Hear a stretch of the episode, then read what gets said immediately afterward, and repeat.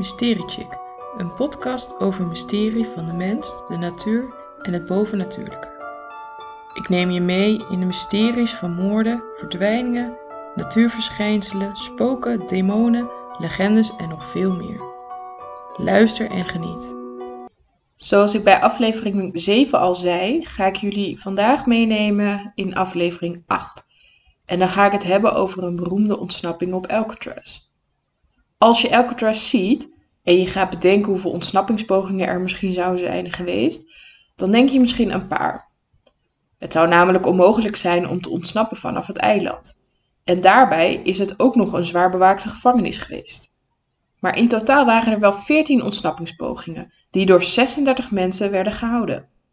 Van deze waren er 23 gevangen genomen, 6 doodgeschoten door bewakers, 2 zijn er bevestigd die zijn verdronken 5 anderen worden ook verondersteld dat ze zijn verdronken. Maar die zijn dus nog steeds vermist. De bekendste is die uit 1962. Dit is de dertiende ontsnappingspoging.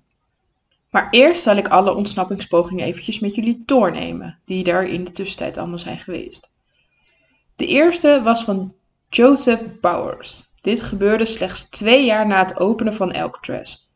Joseph Bowers zat in Alcatraz vanwege meerdere overvallen en gijzelingen van vier mensen. Hij was emotioneel onstabiel en werd uiteindelijk ontdekt met verboden artikelen. Dit was de reden dat hij dus naar Alcatraz moest. Zijn gevangenisnummer was AZ 210. Op 27 april 1936 probeerde Joseph te ontsnappen tijdens de lunch. Hij rende naar het hek toe en klom er overheen. Hij werd meteen gezien door een bewaker en werd in zijn been geschoten. Maar dit stopte hem nog steeds niet en hij ging door. Hij had een net van zijn werkplek gepakt en klom over het hek heen. Er werd nog een paar keer geschoten, nu in zijn rug. Hij viel naar beneden, wel 50 meter. Hij stortte neer op een rots. Hij overleefde de val niet, maar was doodverklaard door een kogel in zijn longen. De tweede was van Cole en Rue. Theodore Cole zat in Alcatraz vanwege meerdere overvallen en het proberen te ontsnappen uit de gevangenis. Ralph Rue deed een overval op een bank en gijzelde iemand en probeerde ook een paar keer te ontsnappen. Beiden moesten naar Alcatraz. Cole was gevangene AZ 258 en Roe was gevangene AZ 260. Ze zaten vlak bij elkaar in de gevangenis en waren beide bezig met een ontsnappingsplan. Op 16 december 1937 werd het erg mistig. Cole en Roe verwijderden de tralies die ze eerder al hadden doorgezaagd en klommen door het raam heen. Ze wisten met gestolen rubber over de rotsen naar beneden te klimmen en bereikten het water. Het duurde niet lang voordat ze ontdekten dat ze verdwenen waren. Ze hebben ze gezocht door gevangenen naar buiten te brengen en vervolgens traangas naar binnen te gooien, om ze zo naar buiten te drijven. Maar ze waren nergens. Ook heeft de kustwacht gezocht, maar konden de twee mannen niet vinden. Ze denken dat door de sterke stroming ze meegevoerd zijn naar de zee en daar verdronken zijn. Maar niemand weet zeker of ze het overleefd hebben of zijn overleden. Misschien zijn ze uiteindelijk wel ontsnapt uit Alcatraz. De derde poging was van Franklin, Lamerick en Lucas. Rufus Franklin had iemand vermoord. Omdat zijn moeder overleden was, mocht hij naar de begrafenis. Maar meteen tijdens deze vrijlating overviel hij een bank en moest meteen door naar Alcatraz. Thomas Limerick moest naar Alcatraz vanwege inbraak en overvallen. James Lucas was gewelddadig en pleegde een overval. Hij ontsnapte uit de gevangenis en stal auto's en overviel een bank. Franklin was gevangene AZ 335. Limerick was AZ 263 en Lucas was AZ 224. Ze ontsnapten op 23 mei 1938. De tralies werd doorgezagen en het raam werd kapotgeslagen. Maar de bewaker kwam al snel terug en de drie mannen sloegen zijn schedel in. Hierdoor waren ze in paniek naar buiten geklommen en knipten het prikkeldraad door met een gestolen tang. Ze vielen de bewakerstoren aan. Een bewaker in de bewakertoren had snelle reflex en schoot Limerick in zijn rechteroog. En hij sloeg met zijn lege pistool Franklin op zijn schouder, waardoor hij in het prikkeldraad viel. De andere bewakers kwamen al snel en omsingelden Lucas. Limerick overleed in het ziekenhuis. De andere twee moesten weer terug de gevangenis in. De vierde was van een groepje. Arthur Baker, William Martin, Rufus McCain, Dale Stamhill en Henry Young. Ze moesten naar, naar Alcatraz vanwege overvallen, gijzelneming en poging tot doodslag. Henry Young werd gevangen naar AZ 244. Arthur Baker en Rufus McCain werd McCain AZ 267 en Baker AZ 286. William Martin werd AZ 370 en Dale Stamhill werd AZ 435. Arthur had al snel een idee om te ontsnappen, maar hij had hulp nodig. Hij probeerde alles te leren van de andere ontsnappingspogingen. Ze zorgden dat ze alle vijf naar een isolatiecel gestuurd werden en begonnen daar de tralies door te zagen. Op vrijdag 13 januari 1939 was het mistig. De vijf mannen wachten tot drie uur s morgens. Dankzij de mist konden ze ongezien ontsnappen. Bij de rand van het eiland gingen ze uit elkaar. William begon langs de rotsen omlaag te klimmen, terwijl Rufus en Henry een vlot probeerden te maken. Arthur en Dale liepen de weg af naar het water en doken erin. Ze ontdekten snel dat er vijf gevangenen misten. De mist begon weg te trekken en de bewakers zagen Arthur en Dale het water ingaan en begonnen te schieten. Arthur werd geraakt in zijn hoofd en dijen, Dale in zijn benen. Ze werden uit het water gepikt en naar het ziekenhuis gebracht. William was van de rots gevallen en werd ook naar het ziekenhuis gebracht. Henry en Rufus werden als laatste opgepakt. Hun vlot bleek niet sterk genoeg te zijn. Ze gaven zich over zonder te protesteren vanwege het koude water. Arthur overleed aan zijn verwondingen en de rest moest weer terug de gevangenis in. De vijfde was van de groep Barkdole en bestond uit vier gevangenen. Lloyd Barkdole, Joseph Gretzer, Arnold Kyle en Sam Shockley. Lloyd zat vast vanwege kidnapping en het beroven van een bank. Joseph zat vast vanwege overvallen. Arnold zat vast vanwege inbraken en overvallen. En Sam zat vast vanwege het beroven van een bank en een kidnapping. Lloyd werd gevangene AZ 423. Sam was gevangene AZ 462. Joe was gevangene AZ 548 en Arnold werd gevangene AZ 547. Op 21 mei 1941 kwam de plan in actie. Loyot lokte de bewaker en de drie anderen sloegen de bewaker neer en bonden hem vast. Ze zaagden de tralies door. Er kwam nog een bewaker en ook deze werd overvallen en vastgebonden. Maar er was paniek, want ze waren nu al twee uur bezig met de tralies. De hoofdbewaker zei dat het geen zin meer had, want er zouden andere bewakers al klaarstaan met machinegeweren en ze konden zich maar beter overgeven. Ze keken elkaar aan en kwamen er langzaam achter dat het toch geen zin meer had en uiteindelijk gaven ze zichzelf over. De zesde was van John Richard Bayless. John was een marinier, maar de strenge aanpak beviel hem niet. Hij vervalste een cheque. Daarna overviel hij een bank en had in de gevangenis verboden artikelen op zak. Hij werd naar Alcatraz gestuurd en werd gevangene AZ-466. Op 15 september 1952 kwam de idee van een ontsnapping spontaan op. Hij werkte op de vuilstort en dit was een ideale baan omdat je over het hele eiland kon lopen, met minimale bewaking. Tijdens de telling glipte John weg. Hij ging naar de rotsachtige rand van het eiland en kleedde zich uit tot aan zijn onderbroek. Hij dook daarna het koude water in. Al snel waren de bewakers gealarmeerd, want er miste er eentje en ze hoorden opeens een plons. De bewaker zei dat hij onmiddellijk terug moest komen. John deed dit ook omdat hij in shock was, vanwege het koude water, en had door dat ontsnappen onmogelijk was. De zevende was van de groep Hamilton en bestond uit vier gevangenen: James Borman, Harold Brest, Floyd Hamilton en Fred Hunter. James zat vast voor autodiefstal en meerdere ontsnappingspogingen. Harold zat vast vanwege autostelen en overvallen. Floyd zat vast vanwege een bankroof en sloot zich aan bij bekende Bonnie en Clyde. En Fred zat vast omdat hij een gokker was en raakte daardoor betrokken bij allerlei verschillende criminele activiteiten. Harold was gevangene AZ 380. Hij protesteerde echter via officiële wegen en werd daardoor vrijgelaten, maar niet voor lang. Hij werd opnieuw gearresteerd en veroordeeld tot levenslang plus 55 jaar voor een bankroof en werd daardoor naar Alcatraz gestuurd. Hij werd gevangene AZ 487. Dus nog even duidelijkheid, hij was AZ 380 en is uiteindelijk na zijn vrijlating nog een keer teruggekomen op Alcatraz en werd daardoor dus AZ 487. Fred was AZ 402.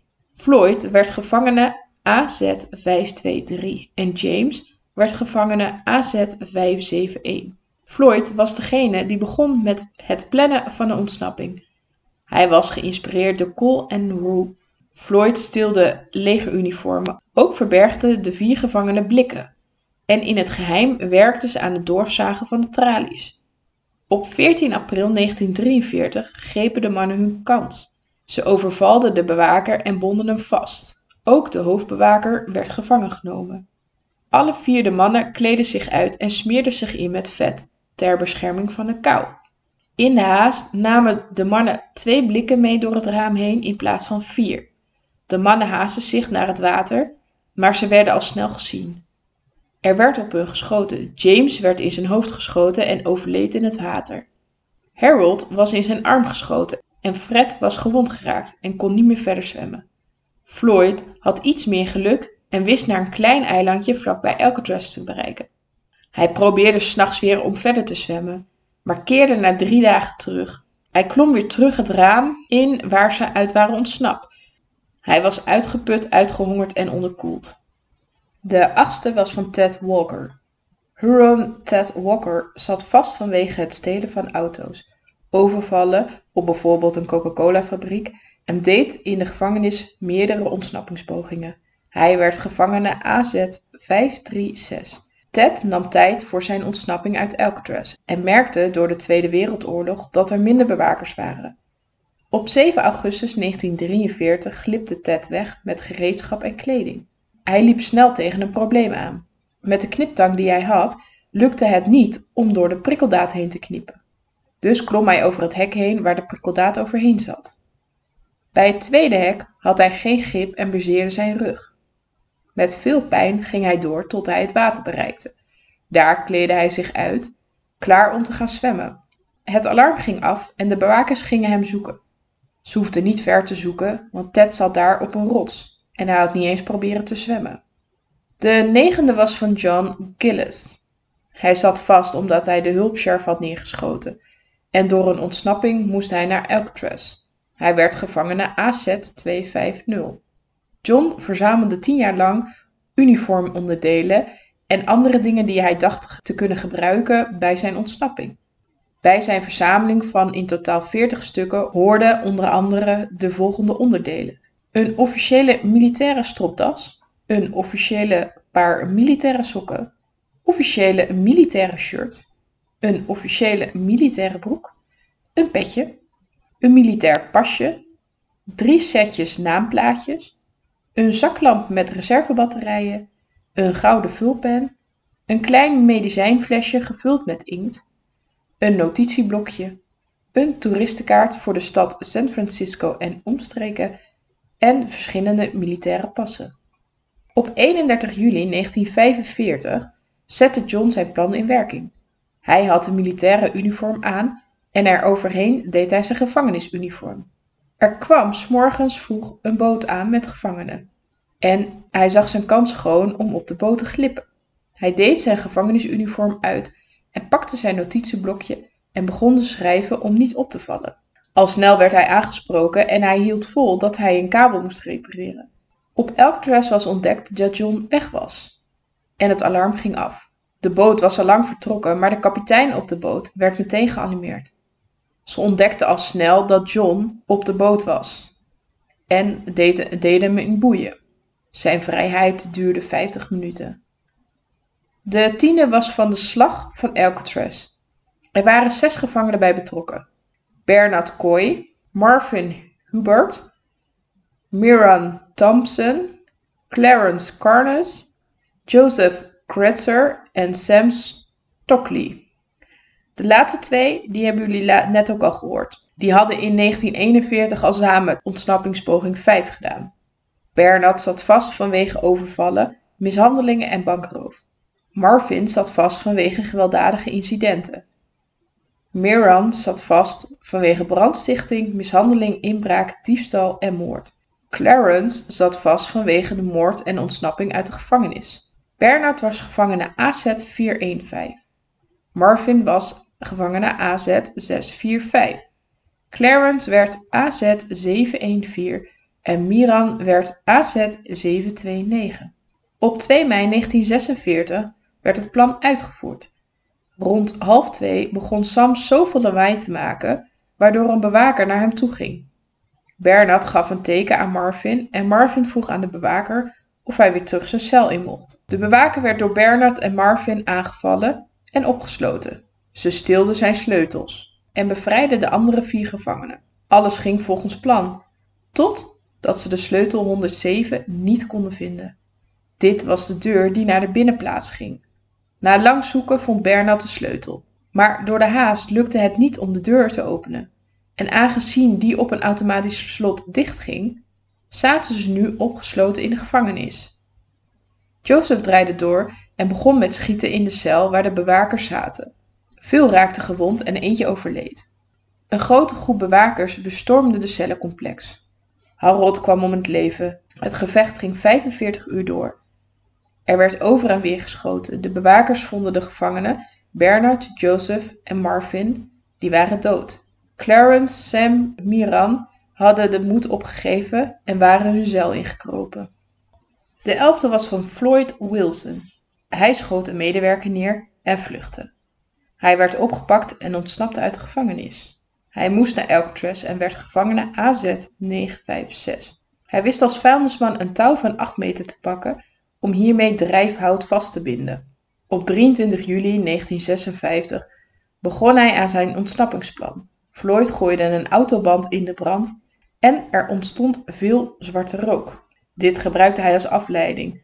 Ze zochten Floyd met meer dan 65 mensen, maar konden hem niet vinden.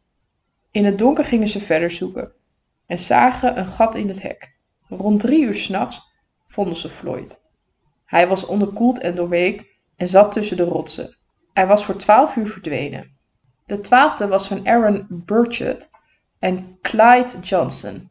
Aaron pleegde een overval en tijdens de rit naar de gevangenis deed hij een gewelddadige ontsnappingspoging. Hierdoor belandde hij in Alcatraz. Clyde had een bank overvallen. Doordat hij een agent neerschoot, moest hij naar Alcatraz. Clyde was gevangene AZ 864 en Aaron werd gevangene AZ 991. Op 29 september 1958 begonnen ze aan hun ontsnapping. Ze lokten de bewaker mee, overvielen hem en ze bonden hem vast aan een boom. En verdwenen uit het zicht van de bewaker. Ze hadden pas laat door dat de twee er niet meer waren. Ze hadden pas laat door dat de twee er niet meer waren, omdat een bewaker fout geteld had. En daardoor dachten ze dat er geen gevangenen ontsnapt waren. Maar al snel kwamen ze in de gaten dat dat dus niet het geval was. Ze vonden Clyde tot aan zijn middel in het water. Hij durfde niet te zwemmen. Aaron was nooit gevonden. Na dertien dagen vond de kustwacht een lichaam in de baai van San Francisco. Het bleek later de lichaam van Aaron te zijn. Over de dertiende ontsnappingspoging ga ik je straks meer vertellen. De laatste ontsnapping die bij Alcatraz plaatsgevonden heeft, is die van Daryl Parker en John Scott. Daryl zat vast vanwege een gewelddadige bankoverval. Hij smokkelde gereedschap zijn cel in en ontsnapte. Maar na vijf uur werd hij weer opgepakt. Hij moest naar Alcatraz. John zat vast vanwege een bankoverval en schoot een bewaker neer. Daryl was gevangene AZ 1413 en John werd gevangene AZ 1403. Op 16 december 1962 begon hun ontsnappingsplan. Ze gingen vuilnis naar de kelder brengen en John ging als eerste zodat hij de tralies kon doorzagen. Toen Del beneden kwam, breekte ze de raam open en ontsnapte. Ze bereikte via de pijpen het dak. Ze rende naar de plek waar de wachttoren je niet kon zien. Doordat het donker was en mistig, konden ze ongezien naar het westen van het eiland gaan. Daryl viel een stuk en brak zijn voet. Ondanks dat bereikten ze alsnog het water. Ze bliezen de handschoenen op en deden deze in hun shirt en gingen zwemmen. Daryl werd als eerste gevonden op een klein eilandje ongeveer 100 meter vanaf Alcatraz. John werd gevonden bij Fort Point. Hij had het water overleefd, maar was wel in kritieke toestand en werd naar de gevangenis gebracht. En nu weer terug naar ontsnappingspoging nummer 13. In 1962 was Amerika in rep roer. Dit vanwege de beroemde ontsnappingspoging vanuit de gevangeniseiland Alcatraz. Frank Morris, Clarence Angelin en John Angelin ontsnapten op 11 juni 1962 uit Alcatraz. Maar voor ik meer over deze ontsnapping ga vertellen, ga ik eerst even dieper in op wie de mannen zijn en waarom ze op Alcatraz terechtkwamen. Ik begin bij Frank Lee Morris. Hij werd geboren op 1 september 1926 in Washington. Morris werd wezen op 11-jarige leeftijd. Hij bracht zijn jeugd door in verschillende pleeggezinnen. Op 13-jarige leeftijd werd hij veroordeeld voor zijn eerste misdaad. En ook in zijn andere tienerjaren werd hij gearresteerd voor misdaden die varieerden van het bezit van verdovende middelen tot wapengebruik. Naarmate hij ouder en volwassener werd, verhuisde hij naar grotere gevangenissen. Er werd beweerd dat hij buitengewoon intelligent was, met een IQ van 133, en hierdoor uit de meeste gevangenissen wist te ontsnappen. Hij stond ook wel bekend als de draaideurcrimineel, omdat hij van de ene naar de andere gevangenis ging. Hij was een leider, een oplichter en een rekenmachine. Uiteindelijk veroordeeld tot 10 jaar gevangenisstraf voor een bankroof. Hij ontsnapte, maar werd in 1960 opnieuw gepakt voor een inbraak. Deze keer werd Morris veroordeeld tot 14 jaar in Alcatraz. Op 3 januari 1960 kwam Morris aan op Alcatraz en werd hij gevangene AZ 1441. Er werd beweerd dat Morris direct na de aankomst al begonnen was met het uitdenken van een ontsnappingsplan. Clarence Alfred Angelin, geboren op 11 mei 1931, Donaldsonville, Georgia, en de broer van Clarence, John William Angelin, werd geboren op 2 mei 1930 in Donaldsonville, Georgia. Ze kwamen uit een groot gezin van 14 kinderen, 7 jongens en 7 meiden. Hun vader was George Robert Angelin en hun moeder was Rachel van Miller Angelin. Ze hadden een boerderij in Donaldsville en verhuisden vervolgens naar Florida. Clarence en John gingen samen elk jaar kersen plukken in Michigan om de familie financieel te helpen. Daar leerden ze zwemmen in ijskoud water. Het waren geen schoolgangers. Clarence maakte groep 7 nog af en John kwam niet verder dan groep 5. Clarence werd als eerste opgepakt toen hij aan het inbreken was in een tankstation. Hij was toen 14 jaar oud. John Angelin en Clarence Angelin overvielen op 17 januari 1958 de Columbian Alabama Bank met een speelgoedpistool en maakten daarbij een buit van 19.000 Amerikaanse dollar. Ze beroofden meestal plekken die op dat moment gesloten waren, zodat niemand gewond zou raken. Hoewel de overval in eerste instantie succesvol was, werden de broers vijf dagen na de overval opgepakt in Hamilton, Ohio, en werden veroordeeld tot 35 jaar gevangenisstraf. De twee waren echter allerminst van plan deze straf uit te zitten. Nadat hij had geprobeerd te ontsnappen uit de staatsgevangenis in Atlanta, werd John overgeplaatst naar gevangenis in Leavenworth, Kansas. Nadat hij daar opnieuw een ontsnappingspoging deed, werd hij overgeplaatst naar de best beveiligde gevangenis van de Verenigde Staten, Alcatraz. Hij arriveerde op 21 oktober 1960 als gevangene AZ 1476 en zijn broer Clarence kwam daar op 10 januari 1961 aan als gevangene AZ 1485. Ook wil ik het nog eventjes hebben over Alan Clayton West. Hij was geboren op 25 maart 1929 in New York. Zoon van Ronald Detson West en zijn moeder Maria Roberts. Hij had twee broers, Roland en Kenneth. Hij was een crimineel die gearresteerd was voor meerdere grote autodiefstallen. Hij werd in 1957 naar Alcatraz gestuurd, beschuldigd van een ontsnappingspoging en werd gevangene AZ 1335. Hij deed mee aan het uitdenken van ontsnapping uit Alcatraz. West was uiteindelijk de enige die niet meedeed aan de ontsnapping. Maar daar zal ik straks meer over vertellen waarom hij dus niet meedeed. West verliet Alcatraz op 18 januari 1963. Vervolgens werd hij overgebracht naar McNeil Island, Washington en later Atlanta, Georgia. Na zijn vrijlating uit de federal gevangenis op 7 januari 1965 werd West gestuurd om gevangenisstraffen uit te zitten in Georgia en Florida. Hij werd vrijgelaten in 1967, maar werd later weer gearresteerd in Florida op beschuldiging van grote diefstal. Diefstal en poging tot ontsnapping. Hij ontvangde meerdere gevangenisstraffen, waaronder een levenslange gevangenisstraf.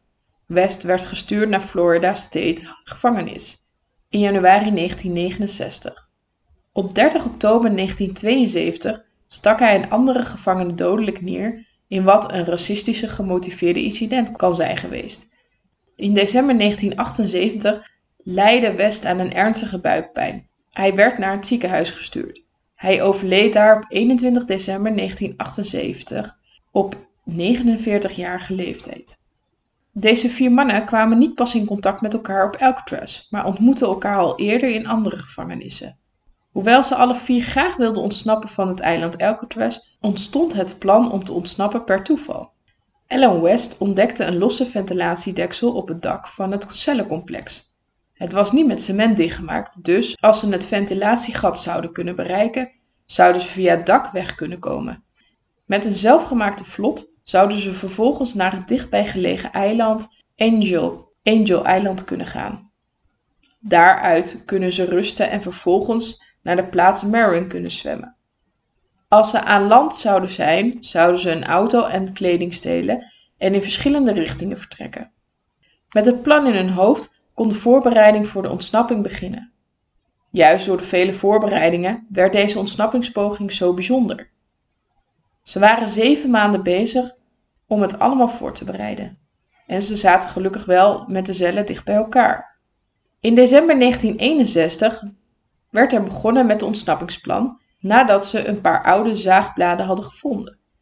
Met zelfgemaakte boor maakten ze gaatjes rond het rooster. Deze wordt gebruikt voor ontluchting. Ze hadden bedacht om dit met lepels te doen, maar ontdekten al snel dat het onmogelijk was. Daarvoor de zelfgemaakte boordjes. Ze kwamen in een smalle onderhoudsgang terecht zonder bewakers. Deze liep achter de cellen. Aan het eind van deze gang klommen ze naar een plek onder het dak van het cellencomplex. Als onderdeel van het plan wist West een baan te krijgen waardoor hij ruimtes boven de bovenste rij cellen moest schoonmaken en verven. Om zogenaamd puin tegen te houden, mocht hij van de bewakers dekens ophangen. Er werd hier een geheime werkplaats gemaakt. Hier begonnen ze te bouwen aan een rubberen boot en rubberen vesten. Hiervoor stalen ze meer dan 50 regenjassen. Ook werden zelfgemaakte pedals bedacht en een muziekinstrument werd omgebouwd om te gebruiken om lucht in het rubberen bootje te kunnen blazen. Ze gebruikten gestolen lijm en warme metalen schoorsteenpijpen om de regenjassen aan elkaar vast te smelten.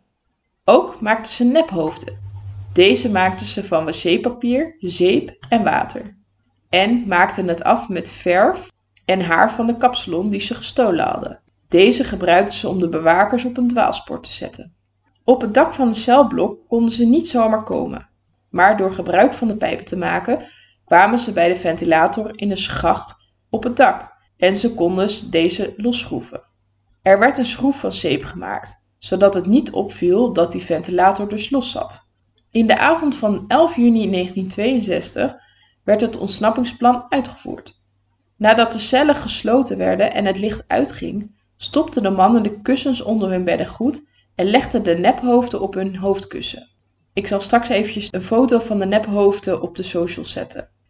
Daarna kropen ze de cellen uit via het rooster en ontsnapten ze uit hun cel en gingen naar hun werkplaats. Ze pakten de spullen die ze gemaakt hadden en klommen via de schacht en ventilator naar het dak. West was als enige die uiteindelijk niet meedeed aan de ontsnapping. Hij was namelijk niet in staat om de ventilatorrooster van zijn cel op tijd weg te krijgen. Dit lukte de drie andere gevangenen wel.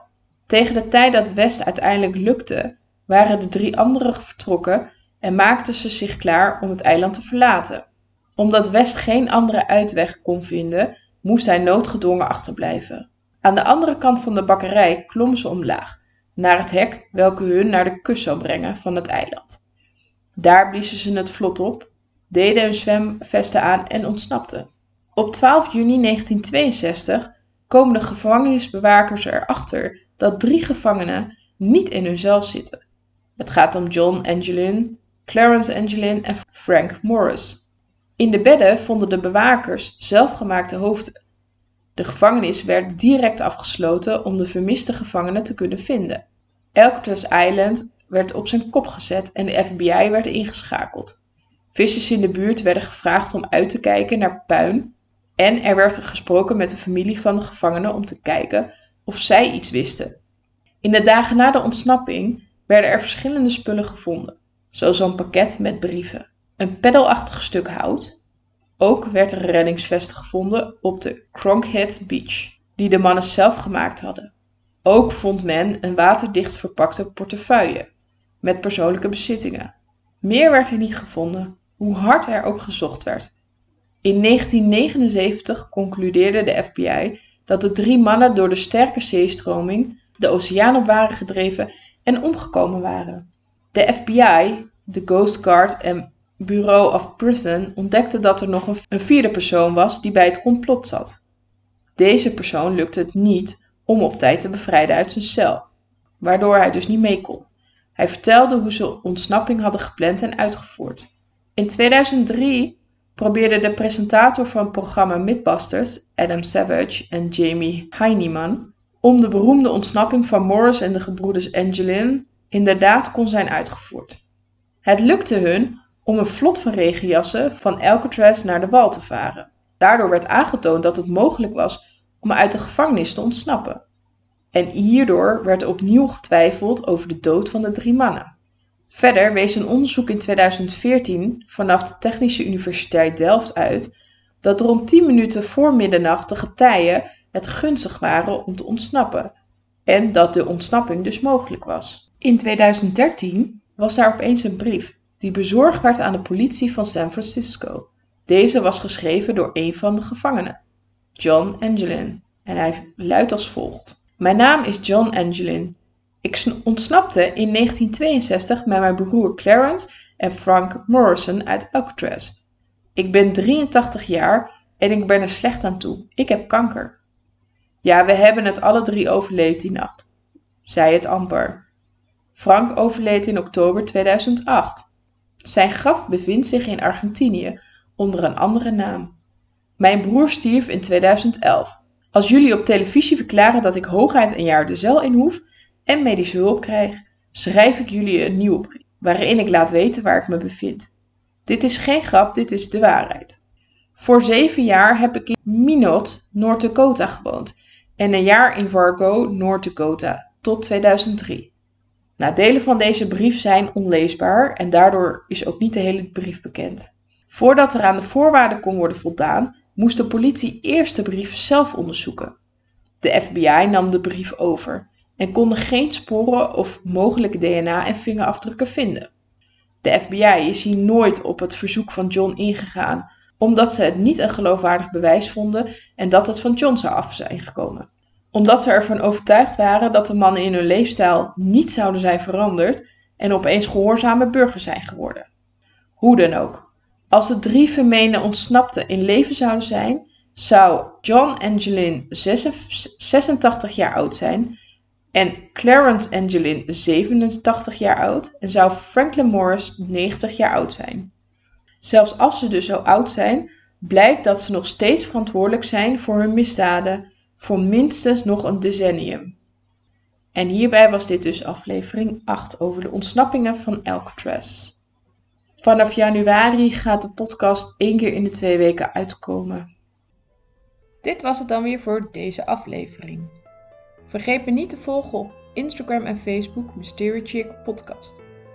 Mocht je nog een leuk onderwerp hebben, laat het me dan eventjes weten. Dan ga ik even kijken of ik er een aflevering van kan maken.